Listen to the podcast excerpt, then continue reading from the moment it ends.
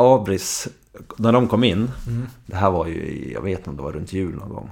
Då, i alla fall så var det, gick de var med några veckor och någon, det har gått så här en månad. Jag tror inne i februari. Och vi fick liksom ingen riktig skjuts i grejerna. Så då bestämde Abris på morgonen, vi skulle möta Karlskoga borta, att ikväll innan så har alla gemensam uppvärmning utomhus. Så vi bara, jag och Jens bara, okej. Och Du vet, det var inte så här superpopulärt beslut. så när vi kommer till Karlskoga, då tar jag och Jensa fram våra overaller inplastade. Då har de legat inplastade sedan i augusti. Så vi frågar eh, bonde om, bonde har en sax. Så börjar vi klippa upp, ta bort plasten. Då, då ligger Abris dubbelvikt i hörnet. Och ah, jävlar vad han skrattar alltså. Ja, men någon, eh, snart är eh, råttet mogat alltså. Persson! Lägger på blå för loppen, kommer skjuta, fintar skott, spelar pucken höger istället, Davidsson skjuter, man lever över returen! Skottläge kommer där! Kan jag få låna micken? I mål! Missar! Hur skjuter karln? Hur skjuter han? Jag kan bara säga att det där är inget skott faktiskt Lasse. Det där är någonting annat. Det där är liksom, han skickar på den där pucken så jag nästan tycker synd om pucken. Den grinar när han drar till den. Utan Fröbo var målvakt! Kan jag få låna micken? Kolla! Poff! En allvarligt talat Leif Boork håller på med hockey i 600 år! Kan jag få låna micken?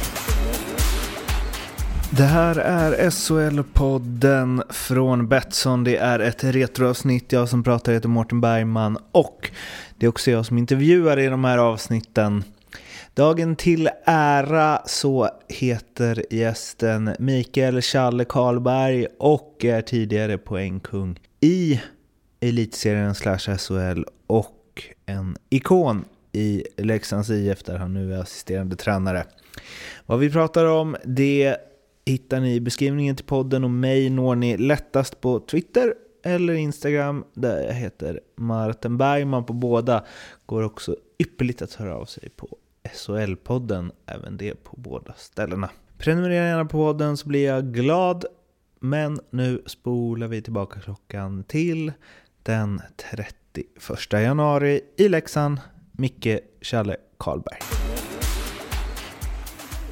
Eh, Som jag inleder alla poddar nu för tiden så har vi ju succémomentet som de börjar med, nämligen att gästen ska få öppna ett paket av Elitset 94-95. Eh, och sen får du berätta vad du får. Jag har föröppnat. De har varit förseglade i 25 år så klistret sitter bra. Okej. Eh, Men så får du berätta vad du får för eh, spelare, namn för namn och om du minns något eller om det finns någon historia eller något på... Ja, den första som kommer upp, han är... eh, Han är faktiskt skyldig med en back öl. Vem är det? Det är Lasse Ivarsson, tränaren i Västerås. Okej. Varför är han det? Det är jag och eh, Tommy Salo spöade Ive och Ronny Hansen i en dubbel för... Ja, det är säkert 15 år sedan, om inte längre. Gång, så, Tennis? I tennis, ja i Aha. Västerås. Okej.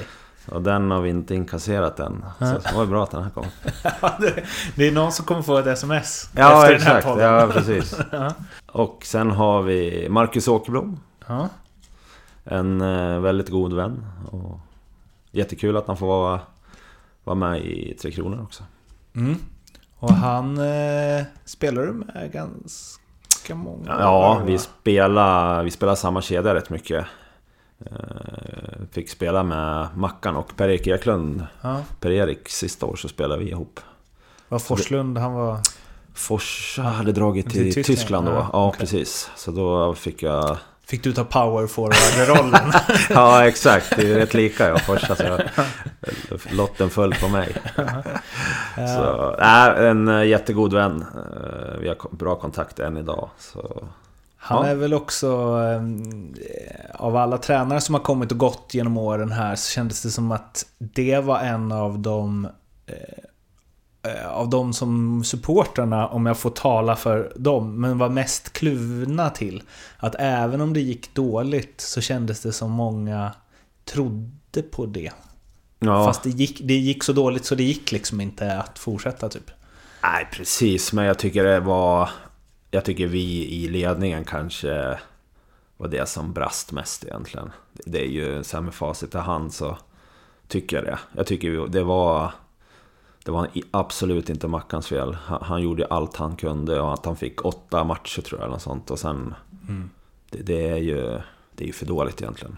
Ångrar du det beslutet? Ja, absolut. Om jag kunde göra något annorlunda hade man ju definitivt gjort det. Men ja, där och då var det mycket krafter som styr och det var jäkligt mycket upprörda känslor och det hängde i redan från kvalet innan där när vi åkte ut. eh, Jag tror det var då efter vi åkte ut här mot Mora tror jag. Så det hängde i en viss irritation och besvikelse tror jag som Mackan fick ärva lite grann. Så han, han fick ingen lätt uppgift. Så är det väl så när man får den starten, det kanske har varit lite annorlunda om det hade hänt mellan match 30 och 37. Ja, exakt. Exakt. Man säger Oskarshamn nu har förlorat 16 raka liksom. Och det var, De är fortfarande... ligger de bra i tabellen liksom. Så att... Nej, det där, det där vart ju fel. Det tycker jag. Hur var det för dig då? Du säger att ni är bra vänner liksom. Att Mm. ändå... Även om det var, du inte var ensam om att ta beslutet så ant, du var väl hans närmsta chef liksom? Precis. Nej, men det, det är nog det tuffaste... Eller det är det tuffaste jag varit med om inom hockeyn. Eh, vi är ju jättegoda vänner och jag trodde ju stenhårt på Mackan. Så att... Mm, Nej, det känns ju som att man svek han helt enkelt. Så är det ju. Hur tog han det då? Eh, nej, han tog det jättehårt. Jättehårt. Men otroligt proffsig och jäkligt schysst liksom ändå. Sista han gjorde var att komma förbi hemma och gav mig en kram ändå liksom. Och Sa att det här ska inte förstöra någonting mellan oss så ändå. Så att... Nej, det, det är en eh, riktigt hederskille det här tycker jag. Han sa väl, eller det kanske jag har drömt, men jag har för mig att han sa i någon intervju nu för inte så länge sedan att han gärna hade tagit chansen här uppe igen om den dyker upp någon gång. Ja. Nej men det är ju rätt roligt ändå att han duger i, i våra, vårat kära landslag liksom. Det visar sig ändå att han är ganska duktig då. Men det är det jag alltid sagt, att Leksand är ett steg över restriktioner. Exakt. det är inte så lätt. Vad har du sen då? Sen har vi eh, våran kära GM här. Tjomme, Thomas Jaha. Johansson. Oj! Ja. Men eh, annan look där va? Hade inte han så här Backstreet Boys mittbena tror jag? Om du vänder på det där kortet. Måste jag kolla. Ja jäklar. Ja, det här är nog mera... Har säkert gjort någon balja efter det här och gått ner på Stureplan och haft lite roligt tror jag. I Djurgårdsdressen. Eh, Så, nej, Muttan spelar mot han mycket, Thomas. Ja. Eh, Var ju jätteduktig back. Bra skott. Spelar ju mycket powerplay sköt, sköt hårda slagskott där från blå. Eh, Och nu är han min chef. Eh, jättetrevlig kille, väldigt bra att göra med. Eh, tycker jag. Har en jäkligt bra distans tycker jag. Som, som högsta chef ner mot oss ledare. Liksom, vi känner, man känner aldrig att det är något... Nej men det, det är raka rör tycker jag. Och han håller en låg profil sådär. Vi får lite space och rör oss fritt sådär. Så jag, han, han, han är bra. Han är bra i sin post tycker jag. Eh, han har ju hyllats massor sen han började jobba i Leksand och det är liksom... Det är ju unisont, alla spelare säger typ det. Eh, eller säger det. Vad är det han har gjort?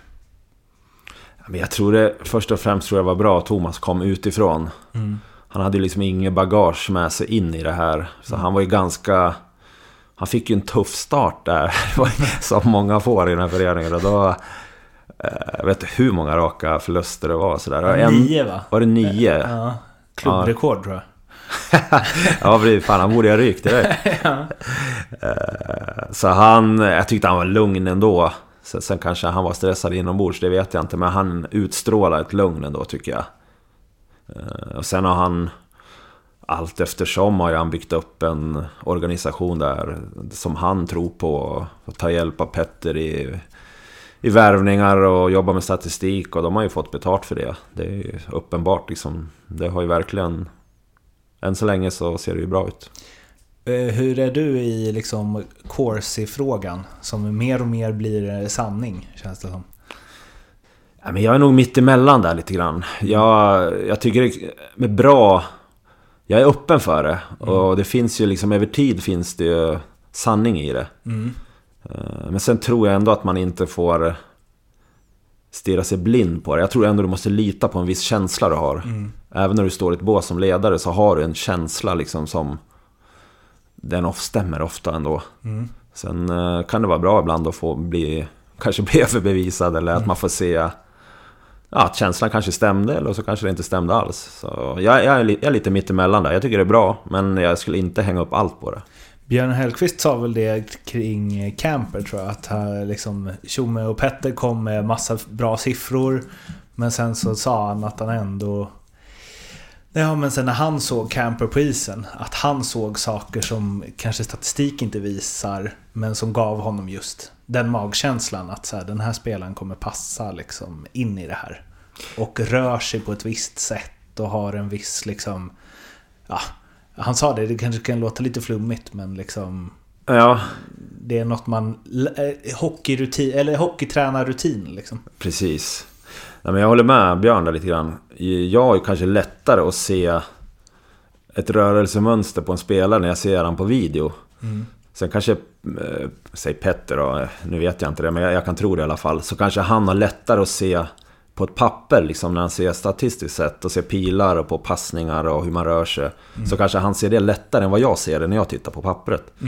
Men för mig är det lättare att se se ett rörelsemönster och hur någon läser spelet och liksom, det finns ju saker som man vill se in, när man inte bara har pucken. Kanske när man gör något annat för någon, man åker utan puck och öppnar upp lite ytor för någon eller man kanske täcker upp för någon som har tappat en puck liksom. Så jag tror att det är, en bra mix och en bra kombination av både och.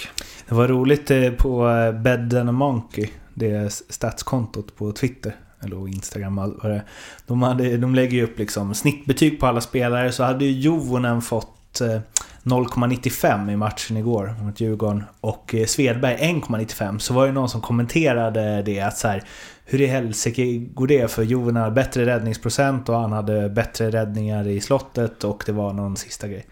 Så hade han bara svarat, eh, han som har det kontot and a Monkey. Eh, släpp inte in mål från mittzon. ja, men, ja, det är ju bra. Ett bra tips. ja, och det är en sak som eh, förstås extremt undantag, men statistik visar inte allt. Nej, precis. Men det kan bli... Om det händer någon sån här lite udda grejer så kan det slå rätt hårt i Ja, statistiken. Liksom. Eh, yes, vad har du mer? Eh, sen har vi Raimo Helminen. En eh, finsk spelare, spelar i Malmö i många år. Eh, mött han rätt mycket. Har ingen relation sådär med han alls. Förutom att han... Ja, man uppskattar ju han som spelare när man tittar på honom. Han var ju otroligt duktig. Spelade inte han, jag tänkte säga att han fortfarande spelar, det gör han väl inte, men han spelade ju till väldigt sent va? Ja, jag tror han höll på jäkligt länge. Noll och, ja precis. Han var alltså 45. Oj. Avslutar med 21 poäng på 53 matcher ändå, som kapten i Ilves. I SM-liga? Ja, Oj jäklar, det är fan bra. Det är starkt att när han, lä- när han lämnade Malmö så var han ändå 32. Jaha. Eh, och efter det gjorde han alltså, vad blir det då? 1, 2, 3, 4, 5, 6, 7, 8, 9, 10, 11, 12 säsonger i Ilves. Han kändes ju übergammal när han lämnade Malmö, men det var han inte. Exakt. Ja, men- 32, är ju ingenting. Nej, och det, är- alltså, det är starkt. Han har ju riktigt bra siffror där när han är liksom... Eh, ah, det är otroligt. När han är 39 gjorde han 43 poäng. Ja, det är bra. Han var ju grym i powerplay, Raimo. Jäklar vilka passningar han hade. Var, en, var väl en av dem liksom... Jag tänker på honom och Keskinen och... Var en del bra finländare. Mm, Mika Nieminen i Ja, Luleå just var ju ruggigt bra också. De var rätt lika allihopa egentligen. Ja, next. Eh, ja, här står det HV71. Ja, det brukar komma några sådana klubbkort eller Ja, statskort. precis. precis. Vad känner du kring HV? Eh, nej, egentligen... Ja, egentligen ingenting. Sådär, mer än att jag har en av mina barndomskamrater som jobbar i föreningen. Johan Hult. Mm. Han är ju från Surahammar som mig. Ah, Så... Det är ju så att man önskar att det ska gå bra för han då. mm. Nu är ju de... Går lite tufft just nu. Ja, de har tufft. Jag träffade vi var nere där och spelade för några veckor sedan. Och han sa att det var rätt tufft Sådär. De är väl inte vana och... De hade väl andra tankar tror jag med sin säsong så men... Nej men jag, han han var väl gott mod ändå Johan så jag hoppas... För hans skull så hoppas jag att det kommer gå bra. Sen är det något statskort tror jag, om jag inte ser fel. Mm. Det var ju... Om du vänder på det, det var avancerad statistik på den. På Det hockeybildstiden. Det där kan du ge till eh, Karnbro. Ja. Kolla Jaha, där nu ser jag. Han såg knappt. Var är allt det här? Hem, hemma och borta. Och sen är det någon graf där bredvid. Precis. Det är Djurgårdens. Ja, det kanske vi kan ge till Tjomme också. Ja, vad var 94-95? Hur var Djurgården då? Det var väl... Ja, men då var de väl riktigt bra, var de inte det? Ja, Det var mitt först... Vad var det? 94, 95? Ja, då var jag i Björklöven tror jag. eh, det kan vi kolla. Eh, 90... Ja, exakt. Ja, då mötte inte jag de här. Så att jag... Innan din... Eh, ja, precis. Innan Exakt. Nej, men då var ju de bra jämt nästan. Var de inte det, Djurgården? De var det bra Och det känns så va, hela 90-talet. Ja. Ja. Många tuffa matcher i Globen där. Ja, precis. Stockholms stolthet. Man hade jävligt snygga dräkter då. Ja, jäkligt bra. Men det var ju... Djurgården var ju lite... Det var ju lite sådär lag man ville slå ändå. Mm. Åka till... Speciellt här de åren när man kom till Leksand. Man fick åka till Globen där och spela inför fullsatt Ja. Glob med massa Leksand på läktaren. Så var det ju... Det är, de, det är faktiskt de matcher jag... Förutom att spela hemma så är det de matcher man saknar mest. Mm. Globen-matcherna med Leksand, det var ju helt underbart. Globen är ju, det är ju en märklig arena. Alltså när den inte är full är det en väldigt dålig ishockeyarena. Och när den är full är det kanske den bästa i världen. Ja, jag är ju bortskämd där. I och med att man har spelat i Leksand så Ja. länge så har jag ju aldrig spelat med lite publik någon gång där. Det har ju varit... Jag tror till och med Djurgården och AIK kanske tyckte det var kul att spela mot oss där för att det blir sånt bra drag. Sen är det någon mer Malmö... Ja, vad har vi här då? Peter Hasselblad har vi här. Gammal stor back. Eh, har inte stor back, men stor back. Han var stor, ja då, men han gjorde det bra ändå. Han gjorde det bra där i rätt många år tror jag. Tror han är från Örebro från början om jag minns rätt. Han känns som en sån som kunde glida in med en crosschecking redo.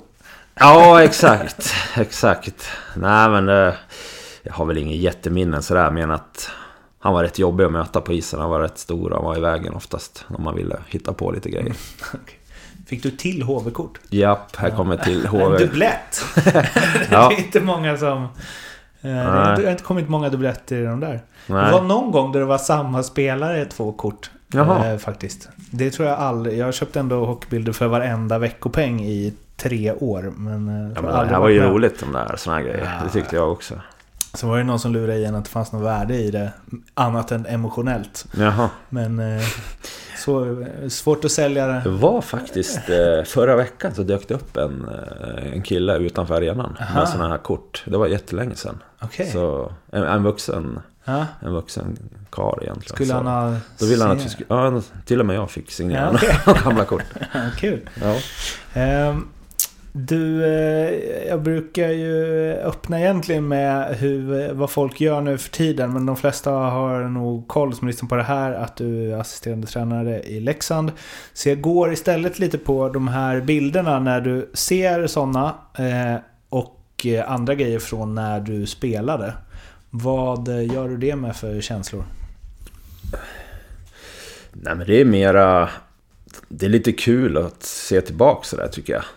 Sen när jag ser tröjorna sådär på gamla tröjor så, där, så tänker man ju på kanske kompisar som har spelat i eh, i de tröjorna sådär som man hade hoppats. Det var kul att Ive var där, han känner jag ju lite grann också. Sådär. Men det är mer att man reflekterar över vänner som har spelat i de klubbarna kanske.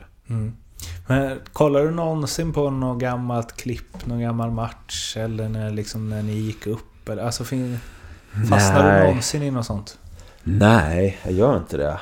Om jag ska vara helt ärlig vet jag inte om det finns så många heller. När vi...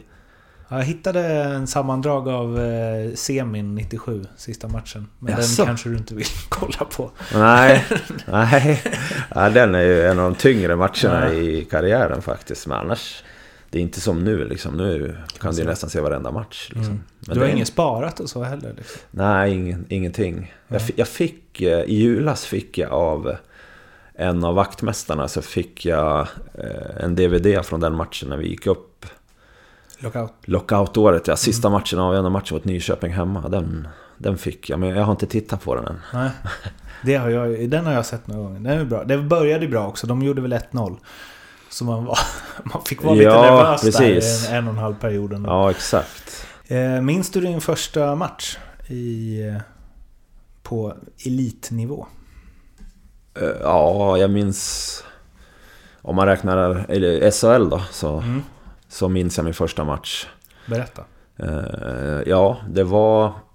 Jag låg i lumpen det året faktiskt. Jag spelade i Västerås. Så jag, jag kunde inte träna så jäkla bra, utan jag missade rätt mycket. Jag hade haft en bra säsong i Köping året innan. Det är ju som nuvarande Hockeyallsvenskan egentligen då. Då, då hette ju Division 1 då, men det är ju som Allsvenskan. Hade haft en bra säsong, så jag hade liksom... Den var inte så brandad på den tiden kan man ju Nej, det var tillägga. fyra divisioner också. Så... eh, Vi hade ett jättebra lag där. Det är ju många som varit bra SHL-spelare i det laget. Eh, Så... Men i alla fall så fick jag framåt jul så vart det några skador och då fick jag... Då ringde Mikael Lundström som tränar Västerås då. Ringde mig dagen innan och då var jag på logementet i Enköping. och sa han att du får eh, komma... Ja, imorgon så får du begära ledigt för att du ska få göra debuten imorgon då. Ja. Och det var Modo borta. Eh, Vi vann med 7-5 tror jag. Oj. Och jag fick- gjorde mitt första mål också. Ja, det gjorde I det. den matchen, ja. Är ditt enda den säsongen ser det ut som. I Västerås. Ja, jag, jag spelade många matcher från start. eh, Kanske. På den tiden fanns det något som hette 18 man. Aha. Nu är det ju fyra kedjor, Ja. sex, sex backar och 12 forwards. Ja. Men då hade man tre kedjor och sen hade man alltid en 18 man. Okej. Det var, jag satt mest som 18 man det året. Okej. Eh, hur var första målet då? Det var... Eh, nej, det kan du ju krydda, det finns ju inga Ja, bevis. exakt. nej, jag var coast to coast. Ja, en sån som McDavid gjorde innan. Ja, exakt. Nej då, men det var ganska snyggt var det faktiskt. Det var jag och eh, Pontus Holmbergs pappa, Jörgen Holmberg. Vi kom två mot en. eh, Och han höll i och höll i, så la han över till mig så jag fick upp en kasse. Och satte dit han bakom Fredrik Andersson som stod i Modo då. Har... Alltså var det... Var det stort att debutera i elitserien? Ja, det var det. Det var jättestort. Eh, sen, jag växte ju upp i Surahammar. Det är ju en kvart från Västerås. Så att jag var ju... När jag växte upp så var ju Västerås någonting jag såg fram emot och liksom... Dit, där skulle jag vilja spela. Det var, ju- det var ju sånt jäkla drag på, på läktaren och matcherna på den tiden där i Västerås. Så de idoler och de jag hade som jag titt, såg upp till spelade ju där. Så att det var ju en dröm att få spela Västerås då. Eh, på den här tiden, jag, eh, jag gör den här podden för att så här, eh, Just det här retrointervjuerna för att någonstans liksom, ja men mina barndomsidoler och hockeybilder och elitserien på Sega och så här, det som jag idoliserade när jag var liten. Och jag har någon föreställning om nu att ehm, Ja, men det var mycket mer mytomspunnet och det var mycket svårare. Det var mycket, det var mycket större att få en autograf av en elitseriespelare då än att ta en selfie med en SHL-spelare idag. Alltså även för kidsen idag, tänker jag. Att, att ni, om man säga så, liksom var större idoler på 90-talet, slutet av 90-talet än vad SHL-spelarna är idag. Tror du att det stämmer eller att det bara är jag som har blivit vuxen? Jag tror det ligger nog mycket i det. Det tror jag. Eh, Sen tror jag att de här... eh, Det är så mycket ändå med sociala medier och giffar och liksom som de bästa syns ju så jäkla mycket nu. Så de bästa kanske, kanske är lika stora om man säger. Men jag kommer ihåg när jag var liten, jag satt ju liksom farsan kom hem från jobbet med Aftonbladet och Expressen så man bara Kom igen, bläddra fram till sporten nu, kom igen. Då ville man ju läsa tabellen och kolla liksom hur går det och... Ja. Så att det- är ju... Jag håller med det. Det var mera... Liksom lite längre bort på något vis. Ja. Nu är allt så nära liksom. Det var ju något som man liksom jagade och, och tänkte det där och få Ja. vara med. Hur var det att vara det själv? Alltså var du... Nu är det speciellt, det är speciellt i Leksand liksom, eftersom det är så litet. Men hur tror du att ni var mer stjärnor än vad de är idag i Leksand? Alltså här. Liksom. Eh, det vet jag faktiskt inte. Ja, det har svårt att svara på. Eh, däremot så när jag, när jag kom till Leksand då var det ju Thomas Jonsson och Magnus Svensson och Per-Erik och ja, Masken var ju också här. Det var ju liksom Jonas Bergqvist. Det var ju landslagsspelare allihop som... De var ju, man märkte när vi var ute och reste, då det, vi flög ju från Arlanda rätt mycket då. Nu chartar man ju nästan jämt men... Man märkte då när vi var på Arlanda, när de kom gående så var det folk vände sig om och... Liksom, kolla där, där går Jonas Bergqvist och sådär. Så att, Det var ju att det var samma spelare i Tre Kronor hela tiden också. ja, Så att det var, alla kände ju till ja, Tre Kronor-spelare. Idag Ja. känns det som att... Det, har, det är några som har gjort landskamper som man inte riktigt har koll på att de har gjort landskamper. Liksom. Däremot tror jag statusen på Tre Kronor var mycket högre då. Nu tror jag inte alls alla har samma känsla för Tre Kronor och spela i landslaget som de här killarna hade. Eh, Om du får jämföra liksom dina första år i elitserien, sen så spelar ju du tills... Det är ju ett tag sen, men det är ju ändå så här, man får ändå säga att du var med in i när det liksom var mm, ja, men hela moderniseringen med liksom kost och hur man ska träna och bla bla bla bla. bla. Eh, hur var... Hur mycket förändrades elithockeyn under dina år, tycker du? Och vad förändrades? Men jag har inte riktigt den bilden att det, att det förändrades så jäkla mycket. För när vi kom upp... eh, Vi var ju väldigt... Vi hade en jäkla... Några bra, årgång, bra årgångar där i Västerås, hockeygymnasiet där. Som var... Ja, redan från 68 och ner till 70... Vi var ju 71 då. Så var ju Västerås var ju otroligt framgångsrika och tog fram... Det var ju hur mycket spelare som helst. Och vi vann JSM-guld där flera år på raken. Så att vi... Det var ju redan hård träning på den tiden faktiskt. Eh, och det var ju många av de där killarna där som... Ja, Peter Popovic var ju där och... Eh, Leif Rolin liksom. Det var ju, de tränade ju stenhårt redan då så... Det var ju mera... För mig var det ju... Jag kom ju från Surahammar. Hade ju liksom, jag, hade ju bara, jag spelade ju bara för att det var kul egentligen. Och sådär. Så det var ju att komma in i något helt nytt. Så det tog ju, egentligen tog det mig bra många år innan jag fattade liksom att... Att ja, fan det här kan det bli mitt jobb liksom. Jag kanske ska...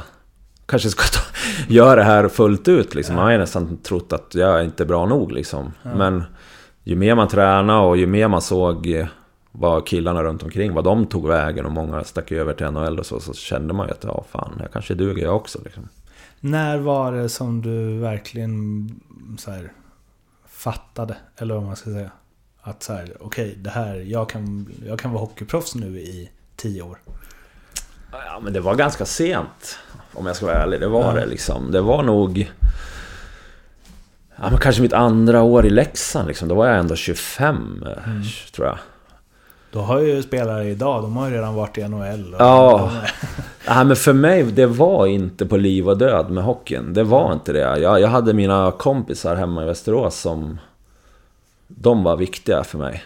Liksom den vänskapen och det vi gjorde, det var liksom minst lika viktigt. Eh, och... Ja, för mig var den... Jag var, gick ju den resan och det, det funkar ju för mig. Men det hade ju säkert kunnat... Ja, jag vet inte. Det hade ju kunnat tagit... Kanske inte blivit så bra som det hade blivit om jag... Om någon tränare kanske hade sagt åt mig tidigare att liksom, nu, nu får du liksom skärpa dig och sånt. Men för mig var det så. Jag, jag kunde inte... Nej, det, det var viktigt med att ha ett liv utanför hockeyn. Sen kom liksom, när jag väl bestämde mig, då, då var det ju bara det jag ville göra istället. Då var ju hockeyn, jag förstod ju att fan det här det är ju kul liksom. Jag, jag kan inte slänga bort det här liksom.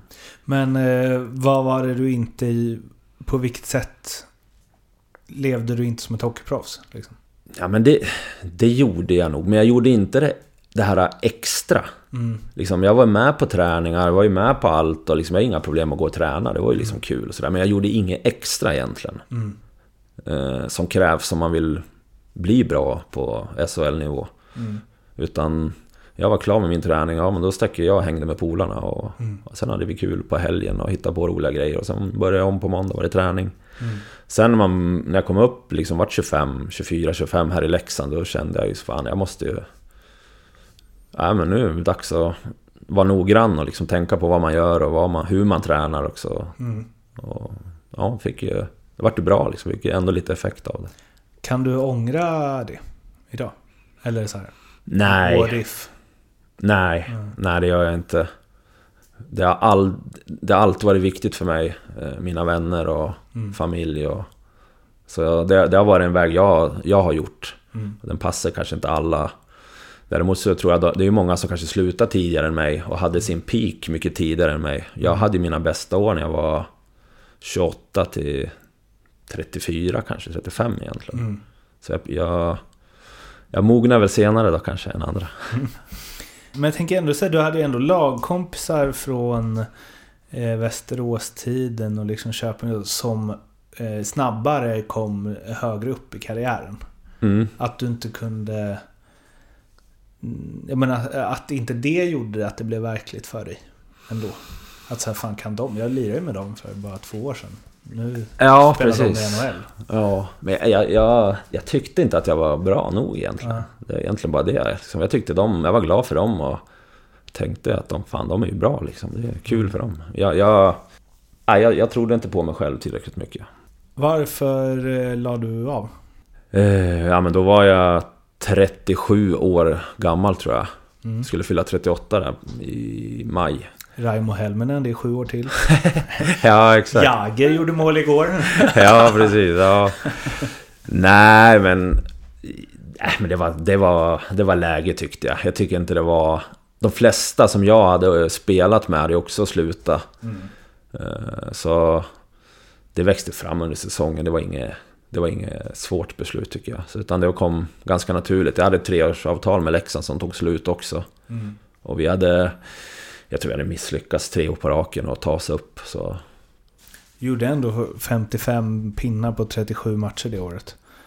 Mm. I Hockeyallsvenskan. Alltså man kan ändå tänka att du kanske skulle känt så här.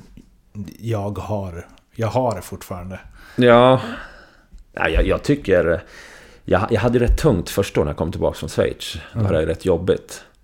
Eh, och jag, jag tror att många redan bestämt sig nästan att jag var slut egentligen där. Men det, jag tycker själv att det kanske är en av de bästa säsongerna jag haft i min karriär. Sista året när jag spelade med... Mycket med Pierre-Edouard Belmar och Marcus Weinstock spelade vi ihop. Vi hade ju en grym säsong. Så... Ja, den håller jag som en av de bästa i karriären faktiskt. Men varför, varför la du av då, då? Om du kände dig så bra? Ja, bra, bra fråga. Det, nej, men det kändes bara rätt. Jag var inte sugen på... Jag var inte sugen liksom att vila två, tre veckor och sen börja dra igång igen och träna. Liksom. Jag kände att det var... Det var, det var klart liksom.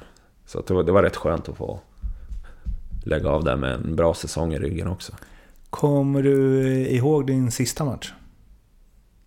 Ja, det gör jag. Eller jag kommer ihåg slutet av den, kommer jag ihåg. Mm.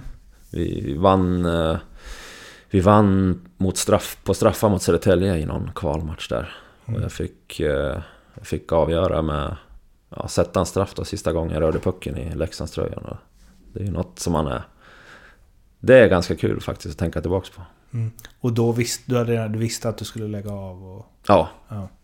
ja. Eh, och det fanns inget, fanns inget liksom vemod eller så här, fan, hur blir det utan det här? Och, ja men, du vet. Det är många som har vittnat om så här tomheten när man slutar spela liksom. Och det är ingen som jublar åt en längre och så vidare. Ja, nej, precis. Nej, men jag har sett det på nära håll också hos andra och även hos vänner som får lite jobbigt och sådär. Så, men för, nej, det, det var aldrig så för mig. Jag hade... Redan när jag skrev mitt avtal med Leksand när jag var i Schweiz så... Viktigast av allt var att få in att jag hade en möjlighet att stanna i förening efter. Och börja jobba med juniorer och ungdomar och så. Så att jag var mer så att jag var nästan mer laddad för att börja en ny, ny bana. Men började du med det direkt? Ja, det, jag började...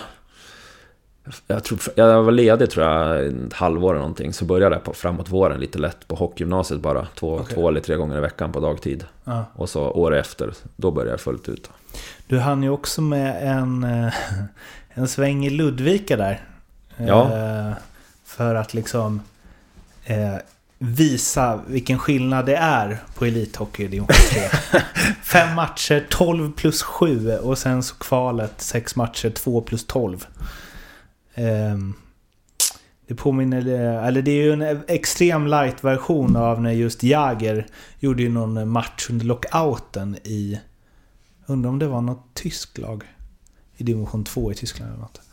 Där han spelade ju en match och gjorde 1 plus 9. Oj. Eh, Det är nästan som att man tänker att han åkte och så här, okej vilka har inte gjort mål i det här laget den här säsongen? Ska jag hjälpa någon att få någon bonus? Exakt. Eh, Nej men vad, vad var det för påhitt? Ja men det var egentligen, det var jag och Jensa som... Eh, Jensa Nilsson då, som vi är goda vänner. Så vi surrade där under vintern lite grann och sen ringde målvaktstränaren i Ludvika hade varit i Leksand i många, många år. Eh, och han ringde och tjatade på oss. Eh, och vi sa, först sa vi nej. Och sen så till slut så sa han, ja men om jag fixar en liten slant åt er här, kan ni inte komma och göra kvalet i alla fall? Ja. Ja men då sa så vi hade chansen att få avsluta tillsammans också. Vi hade ju inte fått göra det. Jag kom ju hem eh, precis när Jensa stack från Leksand. Ja. Eh, Så att det var ju kul att få avsluta tillsammans. Så såg vi det också som en liten rolig grej. Och Daniel Persson var nöjd väl? Det Ja, var väl han som spelade med er. Ja, vi spelade ihop. Men han var väl också lite för bra va? Ja, han bor här i Leksand han också. Ja, Han har spelat i, på bra, hög nivå han också. ja precis. Han hade spelat i ja, Nyköping i Hockeyallsvenskan precis innan. Ja. Eh, men ni, gick ni upp? Nej? Jo, vi Ni gick upp. Ja. Ja. Var det lugnt eller? ja, det var Ja. ganska lugnt faktiskt. Så. Jensa kom alltså trea i poängligan fast han spelade fem matcher och de andra spelade 23. Ja, ja men vi var...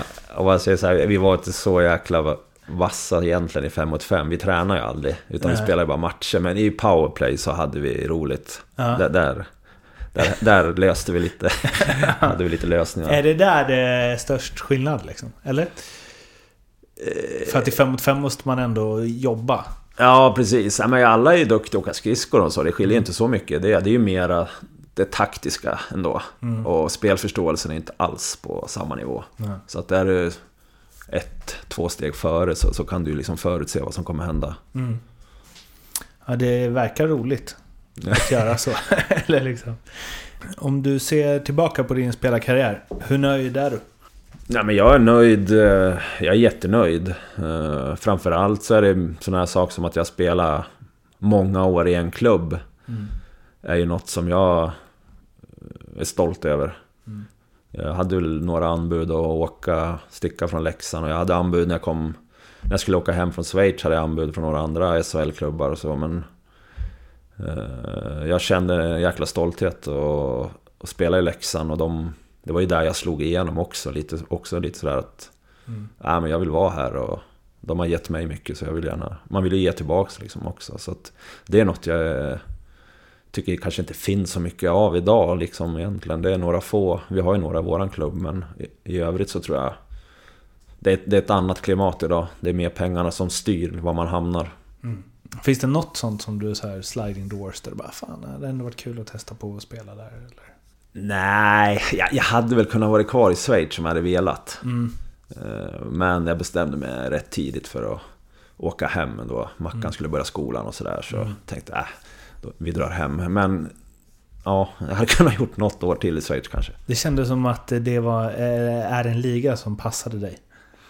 Ja men det gjorde det. Det gjorde det. Det är inte... Det, det påminner mycket om NHL, förutom tacklingar om man säger. Det är inte alls samma fysiska spel, men det är samma tanke. Det är inte, man backar in rätt mycket. Ja. Här i Sverige är många är duktiga på att spela på linjer och stå upp på blå och sådär och skydda, skydda linjerna bättre. Där var det mer som NHL, man bara, det är fram, fram och tillbaks hela tiden. Ja. Så det fann- det vart mycket ytor. Vad lirar du med för några där? För du vann, vann du hela poängligan första året? Nej, jag, jag ledde tror jag inför sista omgången eller något sånt. Eller, ja. Okej. Men eh, det hade aldrig hänt att en svensk hade vunnit den poängligan. Okay. Så lite surt. Ja, lite surt. Men jag undrar om inte Ville Peltonen och gick om mig i sista omgången eller något sånt där. Och Petri Nomelin eller vad Ja, Peltonen gick om precis. Sen var det två kanadensare också. Manalook och Trudell kan det vara. Trudell. Ja, precis. Eh, det är inte mycket schweizare här på topp 15 i poängligan.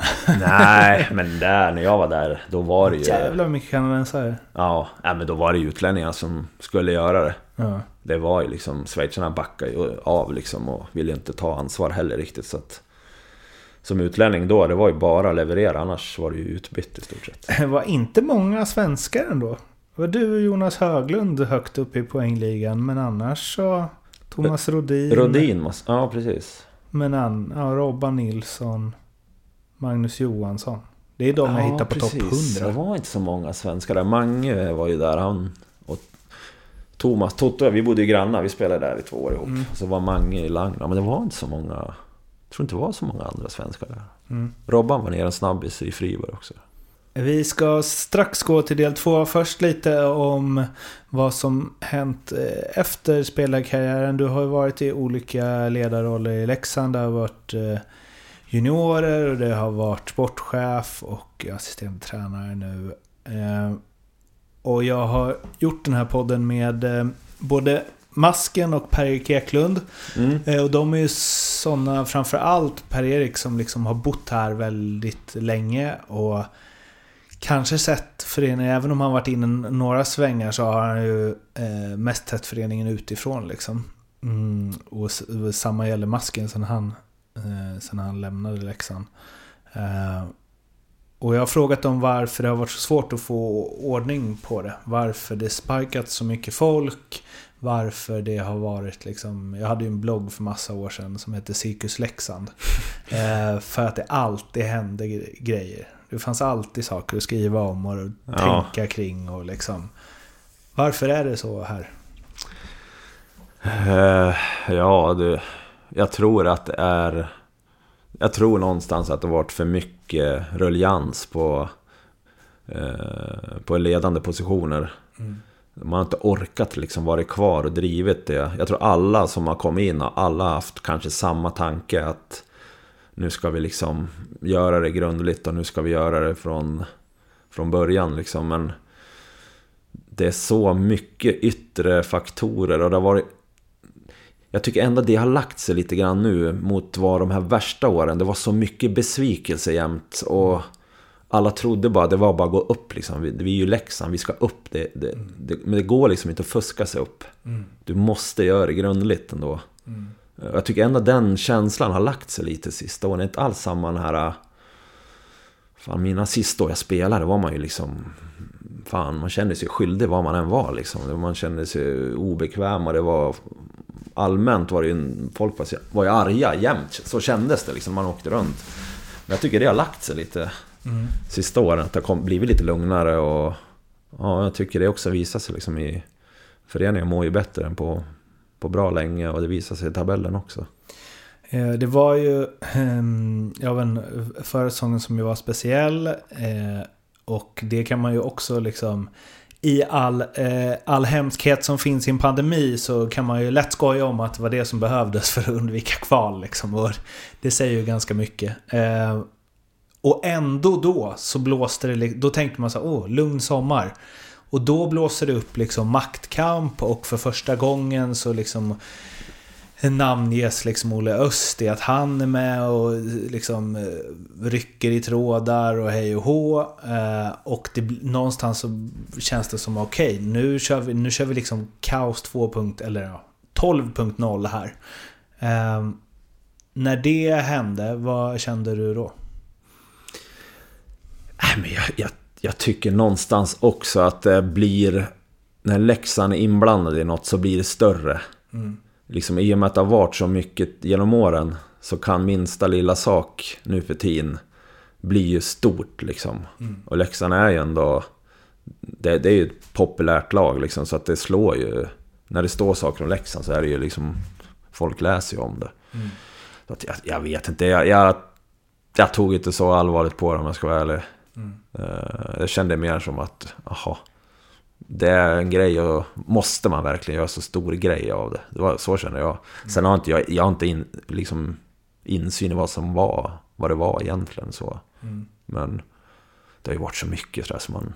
Äh, man jag lägger ingen vikt vid det egentligen. Men under tiden som du spelar, eller som du varit runt klubben annars, eh, och dina erfarenheter från sportcheftiden. Är det, har det varit mycket krafter runt om som varit inne och vill in och peta liksom? Ja, men även i tycker jag. Liksom, det, det är ju... Många, jag tycker man misstar det där lite man också. Det är ju problemet med att det inte har funnits någon styrning vem som bestämmer. Mm. Liksom, utan det har varit alla har velat bestämt. Mm. Och då blir det att många får komma till tals. Uh, och det blir inget bra. Det var ju något, det var något som jag verkligen kände när jag var sportchef. Liksom att några är ju utsedda att vara chefer och några är, någon är VD och någon är det. Men det är för många som är inne och kladdar. Även i föreningen, inte bara utifrån. Mm. Så att... Där tycker jag liksom, som det känns nu så har ju Thomas mycket friare händer att ta sina beslut. Eh, han har ju lugn, lugn och ro. Det är ju min känsla i alla fall. Och sen har han sitt team bakom sig med Andreas och Claes som stöttar han. Mm. Sen har ju de säkert åsikter och säkert olika tankar om saker och ting. Men jag tycker tydligheten är ju mycket bättre vem som bestämmer. Och då, då har det lugnat ner sig också. Jag tror det var Masken som sa det. Eh, att under alla de här åren, liksom hur han hade sett på det utifrån. Då sa han att Ja, men det har ju varit mycket kaos liksom och det har varit mycket byta folk och så. Det är oftast, han var ofta som har väl haft en känsla att ah, kanske inte riktigt rätt. Men så sa han när du och Jax hade det. Så han bara, då kändes det som att det var någonting på gång och att han hade velat se vad det blev av det. Liksom. Att det var synd att det inte fortsatte längre. Mm. Hur känner du kring det? Ja men det är kul att höra att han säger så så kände ju vi också. Vi kände ju verkligen att det, vi är i en... Vi kom ju in mitt i en storm liksom. Mm. Vi låg sist i Allsvenskan. Så att vi kände ju...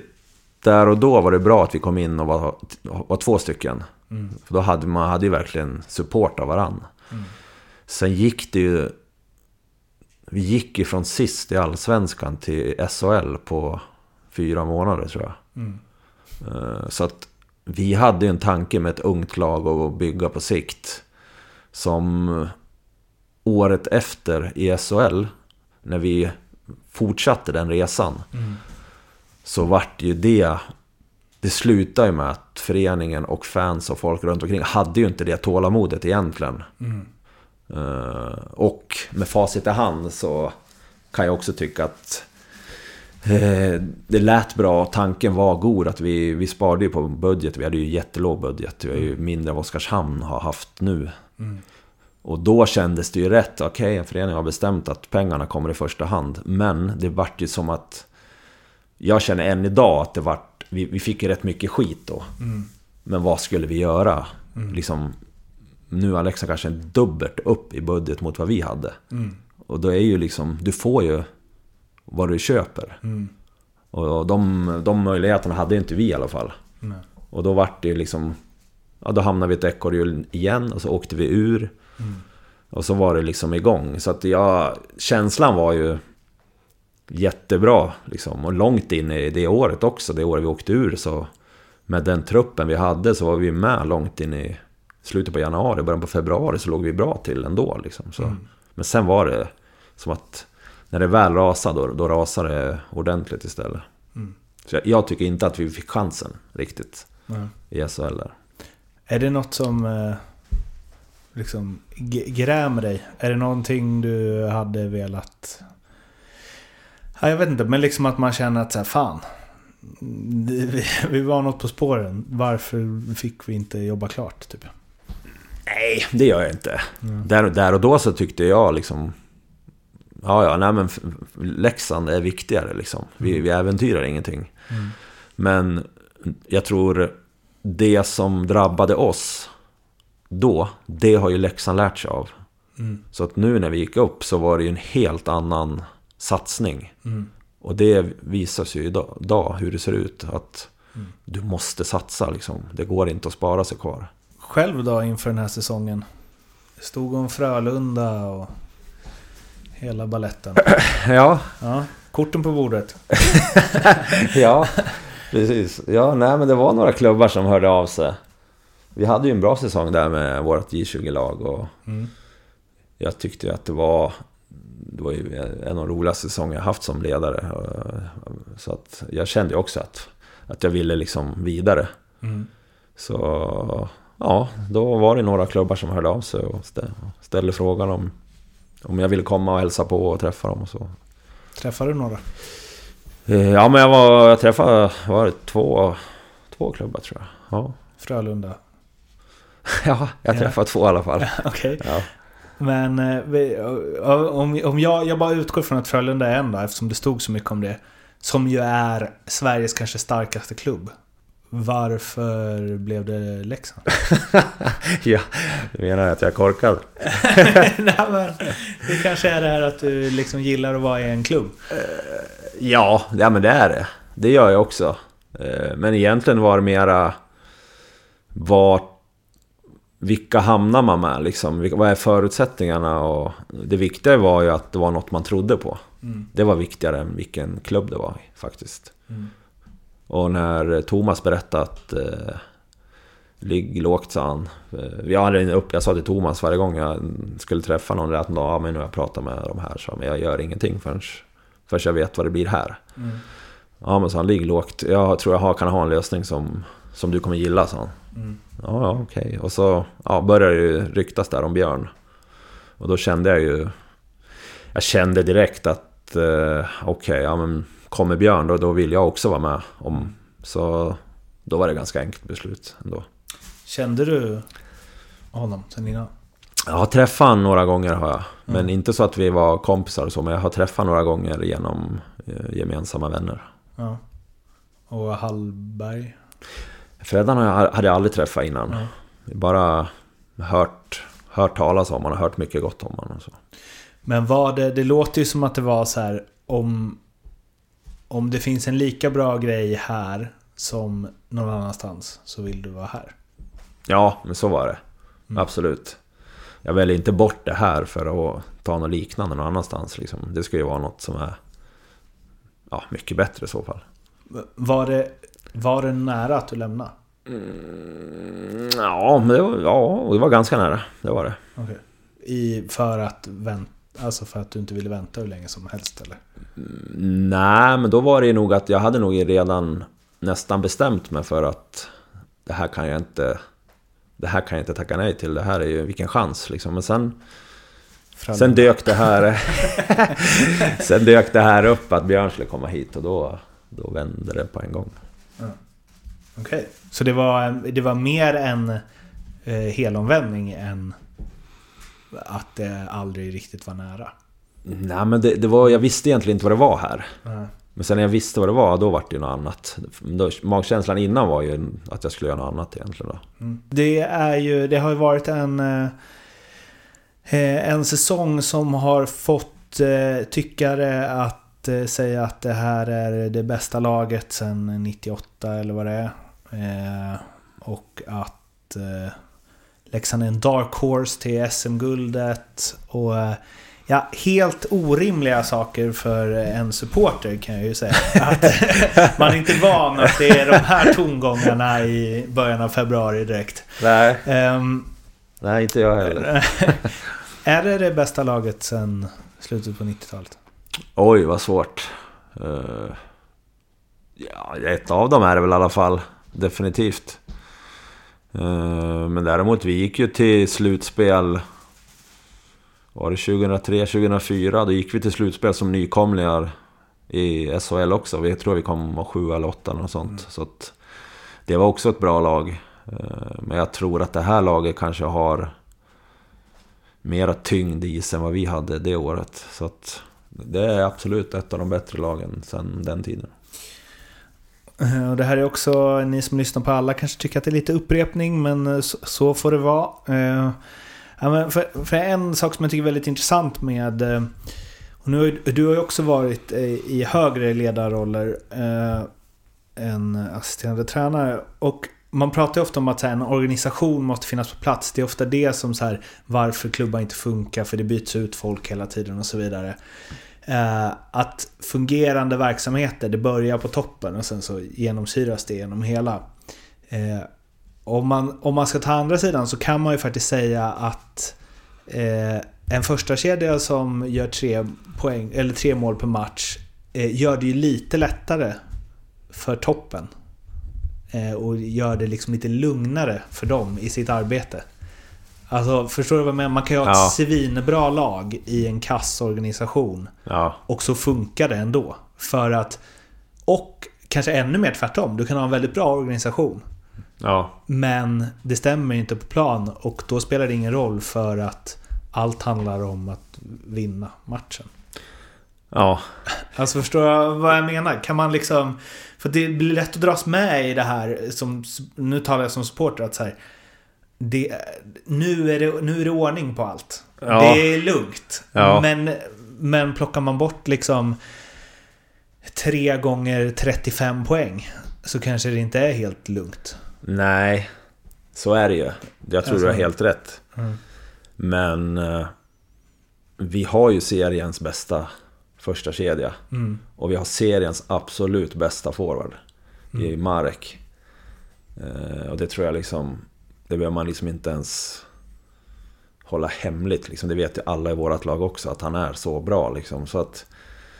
Jag tror däremot att det kommer bli lag som kanske har om något säsong eller kanske ser att hur, hur de här tre har spelat ihop så kan man ju liksom kanske bygga lag på det viset. Det är säkert fler som kommer tänka den, den tanken om man inte har kanske en budget som kanske Frölunda och sådana lag har som har fyra femmor som liksom pumpar på hela tiden.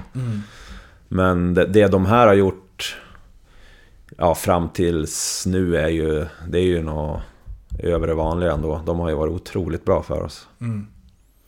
Och, och det är det jag menar att så här, är det då en Leksand har fått ordning på hela organisationen eller har Tjomme gjort tre väldigt bra värvningar?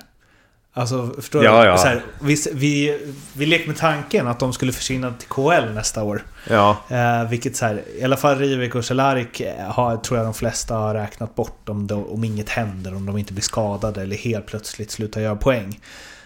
Alltså att hitta, eller i alla fall Rivik, att hitta en sån spelare igen mm, och få honom att komma hit och prestera så bra direkt. Det kanske inte är något man kan bara... Han, han åker likadant ser jag här på pappret. Han spelar likadant. In med honom. Det funkar likadant. Så Ja. är det ju inte. Nej, jag Alltså- tror... Jag tror ändå att... eh, Man, man är ju inte dummare än så att man fattar att de här är riktigt vassa. Mm. Sen har ju vi fortfarande kanske åsikter vid sidan av i ledarstab och...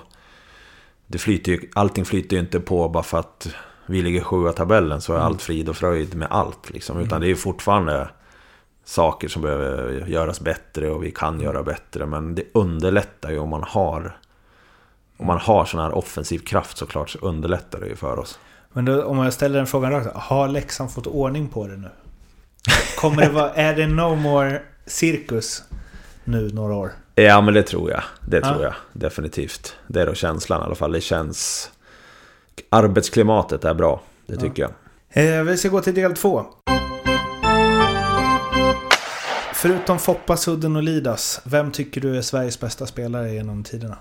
Oj, det var svårt. Eh, De tre står väl ganska högt upp. Ja, jag växte ju upp med... Jag växte ju upp på den tiden när det inte gick att se så mycket NHL och då var ju liksom Börje Salming var ju... Han var ju liksom någonting man bara pratade om och alla sa att han var hur bra som helst. Jag minns när han, jag var inte många år, fem sex år gammal, jag minns den idag när han fick stående ova- ovationer där i Canada Cup. Så att han, jag skulle nog säga Börje Salming i så fall. Förutom Gretzky och Lemieux, vem är världens bästa genom tiderna? Ja, men jag tycker nog att eh, Peter Forsberg, när han var på topp, så eh, om jag hade fått välja en spelare att ta till ett lag, så hade jag valt Peter Forsberg. Var det masken som sa det? Det var intressant att sett honom med dagens eh, hakningsregler och sånt. Mm. Om man, om man inte fick haka. Ja, nej, men han hade ju folk som hängde på honom hela tiden. Ehm, ja, det här är en specialare som jag slänger in lite då och då. Eh, vem var bäst? Eh, Henrik eller Daniel Sedin? Oj, oj. ja, den är svår. Man går ju, vet inte ens vem som är vem av dem nästan. Jag tänker att det säger en del om vilken typ av hockey man gillar, vem av dem man väljer. Ja, ja men jag, var... Du är ju en Henrik. Ja, jag skulle precis säga hans namn faktiskt. Jag får nog välja Henrik i så fall. Eh, om du får tänka helt fritt, vilken regeländring, hur galen den än må vara, hade du velat testa någon match inom hockeyn? Ja, men jag skulle vilja ha coaches challenge. Eh, Jag tycker det. Det skulle vara rätt häftigt att ha faktiskt. Jag tror ändå att det skulle bli lite krydda till det. Även om många vill prata om att eh, matcherna blir långa och sånt. Men jag tror... eh, Jag, det skulle vara kul att ha. Speciellt, speciellt efter gårdagen då kanske. jag misstänkte att Ja, den låg top of mind. exakt. För. Det, hade, det hade också varit intressant att sätta om man fick så här, man fick ta bort ett dom... Man har ett domslut var som Ja. man får ta bort Ja, per precis. match. Det gäller att liksom verkligen välja. Det är liksom timeout gånger tio. Ja, det hade varit något. Så att de gör mål. Bara, nej, jag tar bort det. Vi tar bort det. Om du fick ta med dig något från hockeyn när ehm, under perioden du spelar som inte är kvar idag. Vad skulle det vara? Oj, det var svårt. Jag vet inte om jag har något bra, bra svar på det. Men jag, däremot så tycker jag att eh, hockeyn nu så är... Från när jag höll på och när jag kom upp. Då var de bästa spelarna spela i, i SHL eller Elitserien som heter då. Nu tycker jag att det är de bäst tränade spelarna i mångt och mycket som har hamnat där. Så jag tycker liksom det är lite grann upp till svensk hockey och ledare och tränare och eh, försöka bygga och släppa fram sp- Folk som kan... Jag tror ändå att i de täta matcherna så är det de skickligaste spelarna som avgör oftast. Någonstans där tycker jag att där finns det att göra. För jag tror också, det hänger också lite grann ihop med skador och eh, folk som åker på tuffa hjärnskakningar och sånt. Att jag tycker skicklighetsnivån går... Där liksom måste... Är det någonting vi ska kunna jobba med inom svensk hockey och få upp, jobba med skickligheten igen? Att även om man har någon som man tycker liksom, man jobbar hårt och man åker skridskor och man gör allt rätt. Så, så i slutändan så tror jag ändå att folk vill se skickliga spelare på isen. Det kan ju också vara en passning ut till alla lirare. Att eh, fan, träna hårdare. Så slipper ni bli bortvalda för de som tränar hårdare än er. Ja, jag tror också det är en ledarsak faktiskt. Jag har ju själv varit juniortränare och sådär. Man har ju, jag har gjort samma saker själv nästan sådär att man går på... På, på liksom någonting som man... Någon som jobbar hårt, någon som åker skridskor och gör allt rätt liksom. Istället för kanske... Ja, lyfta det här skicklighetsnivån lite grann. Och ge sådana killar chansen också lite mer. Sen, sen är man... Jag tror ändå man hamnar där man ska vara till slut. Det tror jag liksom, absolut. Men jag tror... Ja, jag tror att vi kan jobba med att få fram mera skills. Något som du är glad är borta då? Från när du spelar. Nej, det vet jag faktiskt inte. Det väl... Det var bättre förr. ja, ja, det var bättre förr. Nej, jag vet inte. Det, det är som skill... Det är två olika sporter känns det som. Nu går allt så jäkla fort och när jag, när jag kom upp så var det ju mest styrspel och... Alltså de här SM-finalerna från 97. Det är ju enormt. Alltså det är nästan så att det är helt fantastiskt att titta på för det känns som det kan, eh, det, att det kan hända vad fan som helst faktiskt. Ja. Eh, Det är svårt att se linjer i spelet. Ja. Eh, Det fanns säkert, men det är lite klurigt ibland. Ja, men det är, det, är, ju- det är ju inte alls som nu. Med, nu har alla lag har ju en playbook som man följer slaviskt i stort sett. Det var lite det jag menade egentligen. Att man liksom... Det blir playbooken blir nästan viktigast liksom. Eh, Då var det inte alls lika uppstyrt. Med forecheck och ja, hur man skulle åka och... Utan det var ju mera, ja vi styr om inte vi har chansen och... Så att det var inte alls lika genomtänkt. Men En god grej i powerplay är när så här, För man kan ju se på backarna att de, det är inte lika mycket så här baklängesåkningssidor. Det är mycket mer så här, ta emot pucken, vända sig på sidan, lägga upp och sen skjuta. Det låter som jag var på stenålder. Nej, men det är lite så. Ja. Alltså. Ja, men det har ju hänt otroligt mycket alltså. Det är så. Jag tror det målet som Marcus Åkerblom gör till 4-4 där mot Färjestad. Är ju verkligen där man bara... Varför har han inte klubban inåt i plan? Alltså så va- varför står han där? Och sen han får bara vrida upp, men ingen går på. Och sen så... Ja, det är mycket isare också som går in, vilket man förstår när man ser eh, Per-Agnar Bergqvists benskydd som är liksom lite, Ja. lite större än Ja, fotbollsbenskydd. men där har det ju hänt massor med målvakterna. Liksom. Nu går inte göra is, Nej. i, må, isare längre. Liksom. Det går ju aldrig in. Nej. Vi måste ju upp med pucken. Det måste varit så jävla svårt att ta isare. Alltså om du skjuter hårt längs isen och Mm. du har de där små benskydden. Ja, Och hela så här Butterfly fanns väl nej, knappt nej, då? nej, inte då. Det var väl på väg in kanske, men inte alls utvecklat. Eh, den bästa spelaren du har spelat med, och då behöver det inte vara den som blev bäst eller störst namn, utan de bästa prestationer du sett från en spelare i samma lag som dig. Nej, men jag spelar med rätt många duktiga spelare tycker jag. Eh, Jag växte upp med... I Surahammar med Tommy Salo. Och, och han... Vi vann ju där DM... Vi vann ju DM där ja, varje år i stort sett när vi var små. Och Tommy var ju stora anledningen. Så att han är en av de absolut bästa jag spelar med. Och han fick ju också en karriär som... Eh, ja, som inte många har haft. Han är väl en av Sveriges två, tre bästa målvakter genom alla tider. Så Tommy kommer nog... I och med att han är en god vän till mig också så tycker jag att han kommer ganska högt upp där. Det är ju att Alltså på den tiden, ho- hockeybild samlartiden, det var ju, var ju bara han och Söderström. Ja, Alltså det var de enda svenska målvakterna som spelade där borta. ja och var i samma lag också några år Ja, där borta. just det, det var de. Ja, Islanders.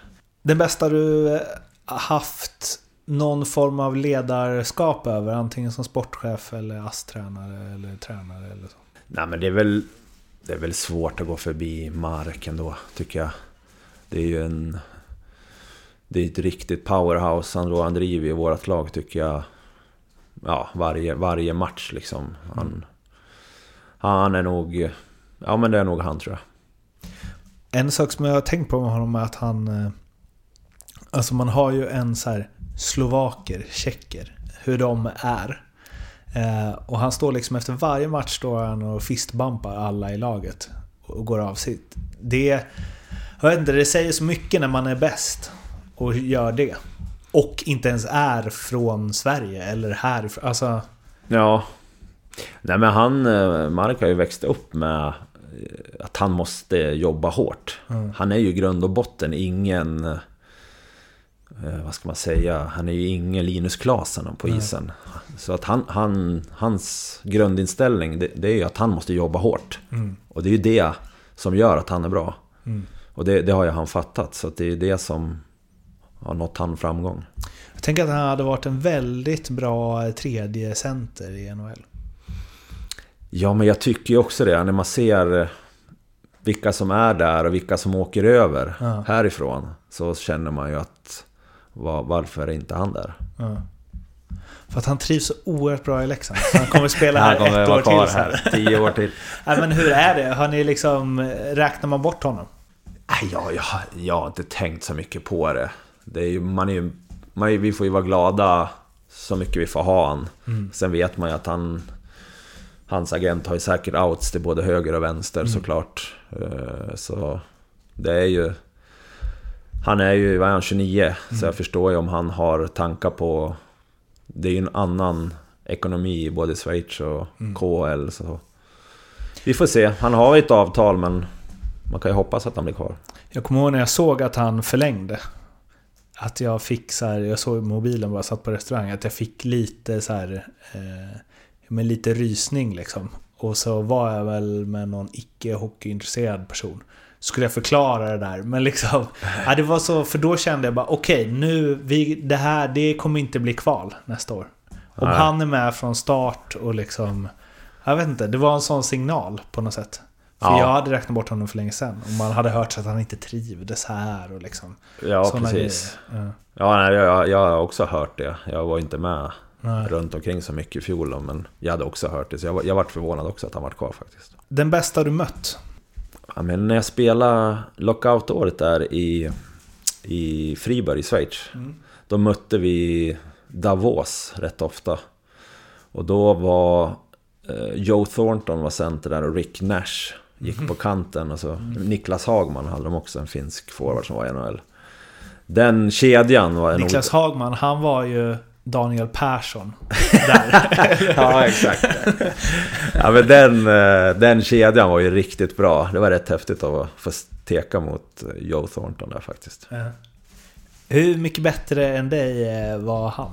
Då? Ja, men de var, de var klart bäst den kedjan. Ja. De var, det var några nivåer till. Ja. Om du får plocka ut tre motståndare eh, genom åren som du bara vill prata lite extra om eller minns lite extra på olika sätt. Eller samma sätt. Uh, nej, men någon, någon som jag fick äran att spela med är en, en landslagsturnering. Det var ju Fredrik Bremberg. Han är ju en sån som... In, en sån spelartyp finns ju inte längre. Det är, ju- en sån där man önskar att det skulle finnas en i varje, varje generation. Liksom, så att man får njuta av hans passningar och hans handleder och sånt. Så. Linkan är väl en sån tycker jag. Eh, absolut. Känns som ni passade ihop. Eller så här. Samma skrot och ko. Ja, jag vet inte. Vi vart ihopsatta, jag, Linkan och eh, Andreas Salomonsson i en fjärde kedja. I en fjärde Ja, det var, det var inte urtypen för en fjärde kedja tror jag. Så det var, det var lite roligt faktiskt. Men han är väl liksom... Du och Jens Nilsson hade ju liksom superkemi. Han är väl lite Jens Nilsson? Ja, men absolut. Ja. Det är åt det hållet, helt klart. De är rätt lika de två. Ja, två till. Nej, men jag fick också äran att spela, spela tillsammans med Henrik Lundqvist en gång. I, Också i en landslagsturnering. Eh, Och, och även mött han mycket. Han... Det var också så här i efterhand så är det ju, var ju jäkligt kul. Han var ju grymt bra när han kom upp där i Frölunda också. Så. Han eh, är också en sån här grej man kommer, kommer ihåg att man har spelat med och mött. Det var ingen så här back som du stångat mycket med eller något sånt liksom. Nej, men det var... Kom du ihåg han, kom du ihåg han i Luleå, Bautin? Kom du ihåg han? Jag spelade... En match så fick jag spela med två juniorer som kom upp. Eh, Vilka var det? Det var Henrik Lantz tror jag. Undrar om det inte var Marcus Persson också som spelade i Borlänge. Jag tror det. Och vi mötte Luleå borta och det var allt jag sa innan var bara vad ni än gör, väck inte Bautin. Liksom, han är helt galen. Och så slutar det med att jag tror en av dem, jag minns inte vem, skjuter ett skott efter avblåsning. Och Bautin är på isen. Så jag bara nej! Så det vart ju, fy fan, det var sånt rabalder nere i hörnet. Det låg folk överallt. Ja, det här var ju motståndare då, hoppas jag att jag frågade det så. Men om du får plocka ut tre spelare som du har spelat tillsammans med. Som av olika anledningar du minns lite extra. Och då mer regelbundet än kanske någon landskamp. Ja. Nej, men det första som kommer upp det är ju självklart Jens Nilsson. Det är ju... Han eh, är ju stor del i att jag hade framgång. Vi passar ju otroligt bra ihop. Både ja, på isen också, även utanför isen så var det en av mina bästa vänner. Så att Jensa är definitivt en av dem. Sen är det... Ah, det är svårt att gå förbi Ryder också. Det var en kort, kort tid. mm. Man spelade med honom men vart också ganska goda vänner och ganska fort och vi fick spela tillsammans i powerplay där. Han, han var ju fruktansvärt bra alltså. Hans avslut är... Alldeles, jag tror inte jag sett någon som var vassare avslutare än han faktiskt. Så han... Han är också med där. Kommer ihåg de mål han gjorde mot Oskarshamn när han gled in i slottet med backhand. Och så tänkte man, alltså man var ju van vid så här, ja, fösning i magen på målvakten. Eh, alltså från alla andra spelare för att det var ganska trängt och han bara skickade upp den i krysset stenhårt. Målvakten hade inte ens reagerat liksom. Nej, nej, det var helt galet. Han bara flexade iväg. Han rörde ju inte klubban nästan. Nej. Ja, nej, han, han, han var fantastiskt bra hockeyspelare. Alltså. Har ni någon kontakt? Nej, inte nu. Vi hade det några år därefter. När han var i Boston och... Han var runt där lite på slutet. Men nej, inte nu längre. Förut hade vi lite kontakt. Och en sista? Eh, vad var det? Var det de bästa? Som du har spelat med? Nej, bara som du har lite extra minnen från. Ja, liksom. okej.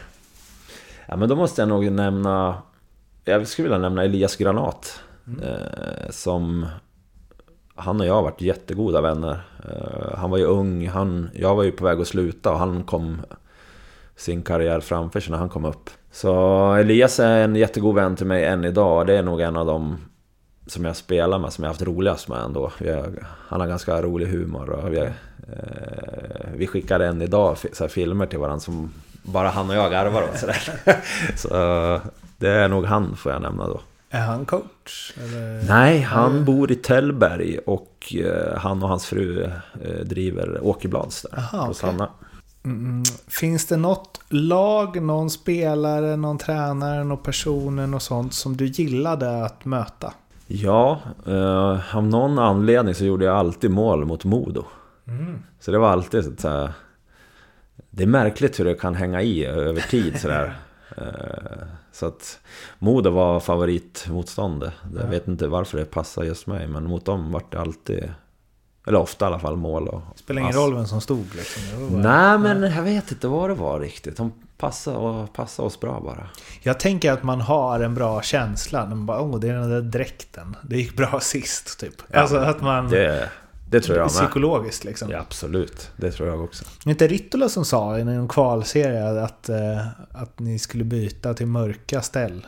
För att han hade spelat i svart i Skellefteå. Att man känns mycket Ja, s- större och starkare och liksom... Ja, ja, ja, det är mycket möjligt. Men Ritt är ju så jäkla stark så han behöver inga andra färger. färg. Nej.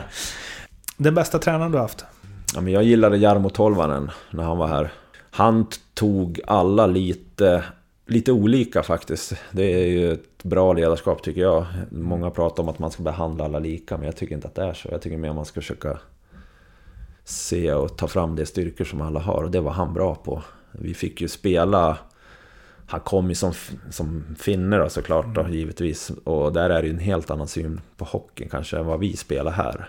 Men han sa till mig och Jensa direkt från möte ett att jag eh, kommer ha tål, ni, ni kommer få spela som ni vill, sa han. Men då kräver jag att ni gör det här och det här för mig. Så, Men de andra kommer, de kommer jag vara på stenhårt på. De, de måste följa eh, min eh, spelbok lite grann. Så. Men jag, det passar inte er. Men så ni, ni kommer få göra det ni är bra på. Så, så att, det uppskattar man. Åkte han raket upp till Ja, första platsen ja. på din bästa Mera tränare? sådana tränare. Eh, har du någon eh, sämsta tränare? Eh, ja, det har jag. Absolut. Men det är inget... Jag ser ingen vits vid att namnge sånt liksom. Jag tycker det är... Det finns inget liksom i... om Man tänker att Babcock och de har blivit liksom uthängda i NHL för att de behandlat spelare dåligt och så. Så Ja. man ändå kan känna att det var en bra grej att det kom fram. De har ju bett om ursäkt också. precis. Nej, det är inga sådana grejer jag varit med om. Men jag har haft... Det har ju varit... Det var ju tuffare klimat när jag kom fram än vad det är nu tycker jag. Så jag har varit med om rätt tuffa saker där också. Inte i närheten av sådana saker såklart. Men jag tycker ändå inte att sitta och namnge människor för sånt. Liksom. Jag tror ändå någonstans så går alla in i ett jobb eller en uppgift liksom, och göra sitt bästa. Så sen, det funkar inte alltid på alla ställen och man funkar inte alltid med alla människor och så. Men jag har absolut någon som jag inte tyckte var bra också. De kanske vet själva också.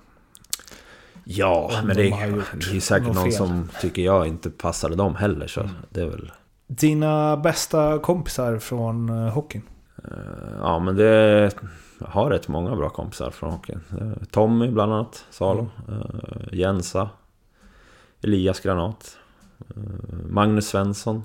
Mm, ja, Christer Olsson, Niklas Eriksson. Ja, det är jättemånga. Det är ett lag. Ja, men i och med att man bor här i Leksand också. Det är ju så litet. Så blir det att man träffar ju varandra rätt ofta. Eh, Jag kommer ju från Västerås och där bor ju också många gamla hockeyspelare så, som jag har spelat med. Men när jag är hemma där, jag träffar ju nästan aldrig dem. Fast jag är hemma rätt mycket. Eh, Men här, så här springer man ju på Dagligen kan man ju springa på några stycken. Så att det blir att man håller en annan kontakt. Hur har det varit för dig? Eh, Tommy Salos eh, problem har ju varit ute i pressen och han har pratat om det själv och liksom skrivit om det själv och så. Hur har det varit för dig som bäste vän och se det liksom? Nej, men det har ju varit... Det har ju varit tufft såklart. Jag har ju vetat om det ett tag. eh, eh, Sen är det ju mera... Det är ju mer att man vill att Tommy ska må bra. Det är ju där någonstans. Han har ju haft... eh, Ja, man har haft det rätt tufft liksom och mått, lite, mått dåligt helt enkelt. Så att... Att det har hänt det är ju liksom... O, det är liksom... Det är ingenting man kan försvara det som har hänt. Men... Om man, om man lägger det åt sidan så är det ju en person där bakom som man vill ska må bra och hitta en glädje i tillvaron. Liksom. Så att jag hoppas och tror att eh, det kommer leda till någonting gott. Eh, jag pratade med Tommy här för, ja, för några dagar sedan och då lät han vid gott mod i alla fall. Så jag hoppas att det kommer något gott ur det. Sanny Lindström skrev ju en text eh, efter domen att... Eh, ja men precis att liksom, ja, det han har gjort och så, det är förstås oförsvarbart och så, men att liksom han bläddrade tillbaka längre till liksom hur han behandlades efter Vitryssland och det här med att det inte finns något skyddsnät och det finns liksom Ja men lite som man väl kan generalisera kring liksom sportkultur att så här, man ska bita ihop. Man ska inte vara ledsen över något. Man ska inte må dåligt. Ut nästa match, hej och hå. Vad, Jag vet inte om du läste den texten men... Jo, jag läste den. Jag tyckte den var hur bra som helst faktiskt. Så jag hoppas att Sanny hör det här så. Jag tycker den var grymt bra. Sen har jag lovat Tommy, jag, jag, jag vill inte prata så mycket om han. Det vi pratar om, det räcker. Det lilla jag sa nu tycker jag, det räcker. Sen, sen det är mellan han och mig. Så Men, men om man tar den saken generellt liksom. Alltså skydds... Eller liksom att... Om du gör en dålig insats så kan en hel... Alltså att det inte finns något så här... Vad ska man säga? Omhändertagande och liksom... Att hockeyn inte tar hand om det som Sanny skrev. Ja. Håller du med om det? Ja, jo men det, jag förstår vad han menar. Jag, jag, sen tror jag att det kanske är en sån... Det är lite ovanligt kanske. Att det, det kanske inte har hänt så jäkla många gånger. Liksom att, att det har blivit så, kan, eh, vill jag tro eller kan tänka mig. Så att det kanske inte... Det kanske måste hända någonting för att det ska startas upp någonting. Om, man, om du förstår vad jag menar. Men man kan ju ändå se till, nu är inte det samma sak, men det finns ju ändå många berättelser, eller många, men tillräckligt många tycker jag om så här spelare som har haft tomrum efter karriären, som inte vet vad de ska ta Mm. vägen. De har tappat sin identitet eftersom de inte är hockeyspelare längre. Deras gamla klubb hör inte av sig. ja, Alltså, att det bara är så här, tack och hej, ja. nu bryr sig ingen längre. Nej. Nej men det är ju, det blir ju lite så. Så jag tror jag också liksom lite grann hur man är som person kanske också. Hur man hänger upp sitt liv på en sak kanske och lite sån också. Men ja, nej men det finns någonting i det där som är värt att tänka på tycker jag. Eh, Och hitta... För att det är ju, det är liksom... Man har ju sett människor som har liksom hamnat i en viss vakuum efter att de har lagt av liksom. För du sa ju det själv, att du var väldigt noga med att du skulle få jobba. Efteråt. Alltså att det var, du har säkrat upp redan. Att Ja. här, det kommer inte bli något tomrum här. Nej, precis. Det tror jag säkert många har gjort, utom mig också. Så, men för mig var det... Ja, för mig var det viktigt i alla fall. Jag, jag, jag vill vill känna att jag har någonting att gå till och jag har någonting och, som betyder någonting. Om du får ta fram tre minnen från karriären. Eh, det, det här brukar alltid sluta i bra minnen, men du får blanda både bra och dåliga. Okej. Eh, ja, men då kör vi lite både och då kanske. Ja, för mig var det mitt första så minne som, som verkligen betydde någonting. Det var när man kom med i TV-pucken. Det, är ju- det var ju hur stort som helst. Det var ju något man hade gått och drömt om. Eh, Och vi hade ganska bra lag där i Västmanland. 71 där. Eh, Tommy var med, målvakt. Patrik Zetterberg som är sportchef i Västerås var också med. Så vi hade bra lag. Vi var jättenära att gå vidare från gruppen. Men vi mötte Stockholm med Mats Sundin då. De gick ju och vann hela, hela eh, TV-pucken sen. Så vi hade kunnat förlora sista matchen med tre mål. Mot, eh, jag tror var det Stockholm kanske. Men vi förlorade med 7-3. Så att, då gick vi inte vidare. Så det var synd. Men uttagningen var ett... Ja, det var häftigt sådär. Det var första gången man... Jag kommer ihåg att vi fick ha... Vi fick träningsoveraller med McDonalds reklam och grejer sådär. De har jag aldrig haft liksom. Det var ju skithäftigt.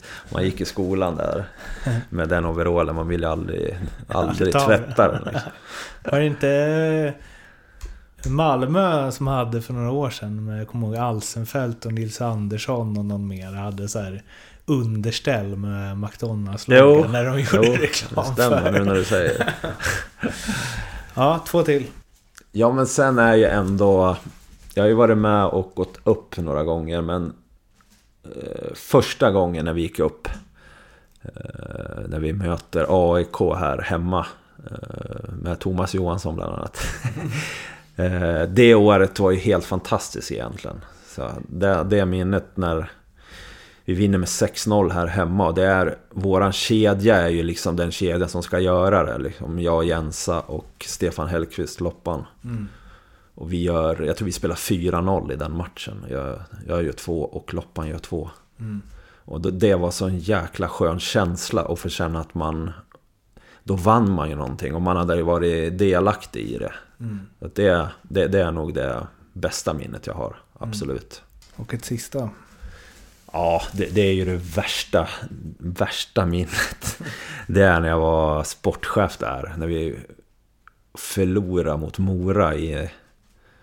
Jag vet inte vilken match det var. Det var helt mörkt bara allting där. Men vi förlorade i alla fall och åker ur SHL mot Mora borta. Och det var... Jag kommer ihåg när jag gick från uppe där i läktaren. Jag skulle gå ner till omklädningsrummet så var det liksom... Man gick förbi alla moringar där och de... Ja, det var fruktansvärt liksom. Och man vart liksom utskrattad och de hånade en liksom och hade sådär. Det, det, var, nej, det, det var så jävla hemskt. Det var, Var det värre än äh, gångerna som spelare? ja, det var det. Definitivt. Okej. Det var det.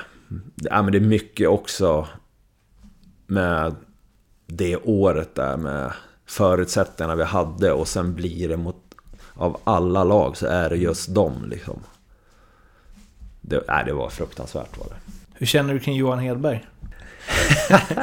Ja men det På tal om Mora. Ja nej men det är ju... äh, jättebra kille. Vi, vi är bra kompisar. Vi har mycket kontakt faktiskt. Eh, nästan varje dag. Skicka spelare till dem. Ja, precis. Det är bra att vi har några läxingar där. Farmarlag. Ja, exakt. Nej, men det är bra. Jag tycker...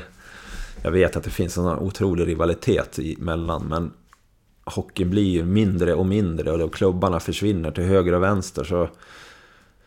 Ja, eh, vi kommer ju inte att mötas på något vis. Så att om man då kan hjälpas åt och lyckas hålla Dalahockeyn levande så finns det väl någon vinning i det kan jag tycka. Ja, så länge det är åt det här hållet så är det väl okej. Ja, med risk för man får passa sig vad man säger här. Men jag är glad för Johan och Limpans skull i alla fall. Eh, den bästa lagkamrat du haft utifrån hur du tycker att man ska vara i ett omklädningsrum i ett lag. Att en sån här person behöver alla lag. Då måste jag nog säga att Marcus Åkerblom ligger högt, högt på den listan. Eh, otroligt bra kille. Och var liksom navet i, i laget tyckte jag. Han var ju mm, 26, 25, 26, 27, 28 år där och han, han tog hand om alla yngre och han var även liksom... Hade respekt hos de äldre killarna. Så att jag måste säga att jag tycker det... Jag förstår att han har fått det jobb han har i Tre Kronor. För att han har en viss auktoritet och en viss pondus som ledare och som människa, Mackan. Om du med den eh, erfarenhet du har av hockeyvärlden idag kunde åka tillbaka i tiden och ge dig själv 15 år ett tips. Vad skulle du säga då? Ja, men det är definitivt liksom det här... Man har ju märkt nu när man är tränare och ledare själv. Så har man ju märkt att man är ju inte... Man tänker ju inte så jäkla mycket på... På spelarna, om de har haft en dålig match eller om de har gjort något misstag och såna grejer. Där som spelare, då var man ju så här orolig och om man hade haft en dålig match eller två eller om man gjorde misstag sådär. Så bara undrar, oh, vad tänker de nu och så. Men där är man ju helt... Som ledare, jag tänker inte alls och jag bryr mig inte alls om det. Utan det är ju mer helheten att man ser att det finns någonting i det som är större än bara något kortsiktigt. Liksom. Så alltså oroa dig inte för vad tränaren tänker. Exakt. Bra tips från en tränare. Ja. Eh, hoppas att många i laget eh, lyssnar på det här. Nej, de, de behöver inte ta åt sig. Vem har betytt mest för din karriär? Eh, nej, men det är nog min pappa ändå. Mm. Eh, pappa var duktig, eh, han var duktig fotbollsspelare i Västerås. Mm. Han spelade, spelade i division 1 och division 2 på den tiden där omkring i Västmanland. Och hade väl också några anbud från att gå ännu högre upp men valde att stanna kvar i Västerås. Mm. Och han tränar ju oss i Surahammar också i hockeyn tillsammans med Bjarne Broström, en annan ledare jag hade när jag var liten. Så eh, farsan är nog den som har betytt mest för mig inom hockeyn. Vad är du mest stolt över från din karriär? Ja, men jag, är, jag är mest stolt över att jag liksom, häng, liksom... Nu för tiden så är det så många som vill ha saker på en gång. Det ska gå så jäkla fort. Alla som, om man tänker på mig och många frågar om mig så, sä- säger, så är det många som nämner att jag var bra i powerplay. Men jag fick ju inte spela powerplay eh, första två åren i Leksand. Jag spelade ingen powerplay alls. Liksom, jag, jag spelade fem mot fem och så ibland eh, om någon var utvisad fick jag ta några byten i boxplay. Eh, Så att det är jag mest eh, stolt över att det var inte så att jag gick in till Wayne Fleming och bad om powerplay-tid. Liksom. Det, gjorde, det gjorde man inte. Det, då hade man ju fått packa trunken. Liksom. Så utan, det var bara, jag väntade på min chans. Och sen när den kom, då, då, då visste jag att jag kunde. Jag hade ju det spel i mig, det visste jag ju. Liksom. Men det var ju så många bra spelare i Leksand där med Masken och Per-Erik. Och, det fanns ju nästan ingen istid över i powerplay. Nej, men mm, jag, att jag hade tålamod så, det är jag alltså mest stolt över. Vad är ditt största liksom, misslyckande eller motgång? Så. Du menar inom hockeyn och sådär då? Ja men det är ju... Eller misslyckande, ja. Ja jag vet inte. Det, vi är ju, det är ju så, det är ju så många egentligen. ja men det är ju så. Sen om det är misslyckande, det vet jag inte. Men det är ju... Man förlorar ju mycket liksom. Men Finns det något som liksom gnager fortfarande? Om du skulle tillåta dig tänka på det. Nej, det är det inte. Jag är nog inte sån person heller som så här ältar så mycket. Utan, Nej men det är inget sådär att jag sitter och har gjort någonting som jag ångrar mycket. Absolut inte. Eh, eh, två frågor kvar, men först bara lite snabbt. Eh, Mackan, din grabb. Mm. Ehm, jag, ja, min pappa tränade mig i fotboll när jag var liten och jag vet ju att han så här hade vissa, ja men ibland, nu var inte jag så bra så det, han brukar säga det, det löste sig självt liksom. Det var inte, Ja. det var inte så svårt att bänka dig liksom. Nej. Men eh, när det är, när liksom din son är en av dem, eller ja, framförallt vad är det, kan det vara två år sedan, liksom en av de mest talangfulla juniorerna i klubben och så. Och du är involverad och du liksom tränar honom och så. Hur har det varit? Men det har ju varit jäkligt tufft har det varit. För både han och mig. Jag har ju liksom försökt flytta upp liksom från där han har varit hela tiden. Så har jag liksom flyttat upp ett hack till J18 och J20. Och så vart det A-lag. Men han jagar ju fatt mig vart jag än var. Så att jag tror... eh, Saknar pappa? ja, ja, precis. Nej, men jag tog ju ett medvetet val också. Och, att det var ju också en av anledningarna till att jag inte ville vara kvar i A-laget där. När jag hoppade av. Det var ju för att han var på väg upp. Och han... Jag vill inte att han ska ha någon känsla av att hans pappa är där. Att någon ska tro att det är någon fördel eller något sånt. Och jag vet att han tyckte det var jobbigt att jag var där. Så att jag kände att jag har ju haft, mitt, jag har haft min karriär, nu, nu är det hans tur. Han ska, få, han ska få göra sin grej. Så att det har nog varit mest tufft för han tror jag. Att jag har varit i närheten liksom. Hur mycket, eller hur är det nu då när han liksom varit utlånad och är utlånad igen och så? Är det lättare då? Ja, oh ja, absolut. Det, det kände ju både han och jag i början av säsongen när han tränade med oss. Han ville ju verkligen inte vara här. För att, att jag var här liksom. Och han visste ju att han skulle till hästen. Så att det var liksom, det var några jobbiga veckor där. I början där liksom. Så... Nej men... Han... Han, eh, han trivs bra eh, där han är. Om, om inte jag är där så... Vi, vi har vår relation ändå som far och son. Vi behöver inte, inge, vi behöver inte ha någon sån här tränar, tränarrelation, tränar-son-grej liksom. Men tänk om han kommer tillbaka nu då och sen är han asgrym på försäsongen. och så bara... Ja, Hur, om det är så då, då, får, jag, då får jag fråga Tjomme om jag får bli materialare eller vaktmästare eller något. nej men eh, allvar, hur... Alltså kommer det gå? Ja, i så fall, då, då klart det får gå. Då, då är det ju så. Då får man ju lägga det åt sidan helt enkelt. Så att då får någon annan, någon annan får väl ta besluten. Mm. Men tror du det hämmat honom på något sätt? Alltså att så här... Eh, ja men... mm, Och, fra, och framförallt, verkligen i det här fallet, här i Leksand liksom. Att han är liksom son till dig och nu... Jag, jag tänkte direkt eh, så här, första gången jag såg honom att bara, ah, men det, är, det är bra att han är rightare. alltså det är bra att det skiljer. Och sen så bara, ah, han är mer målskytt än en liksom playmaker. Det är bra liksom, Ja, att det precis. skiljer lite. Ja. Men tror du att det har varit jo, liksom jobbigt hela vägen? Nej, jag tror inte det. Jag tror inte det. Lite grann tror jag sista åren har det varit det. Då har han fått höra ibland kanske vissa glidningar och sådär. Men jag tror inte att han är, tar åt sig av det faktiskt. Nej. Nej. finns ju en annan eh, rightare annars med eh, släktkoppling som kan vara jobbig. Han kan ju alltid ringa Fredrik Forsberg Ja, och precis. bolla lite kanske. Ja, exakt.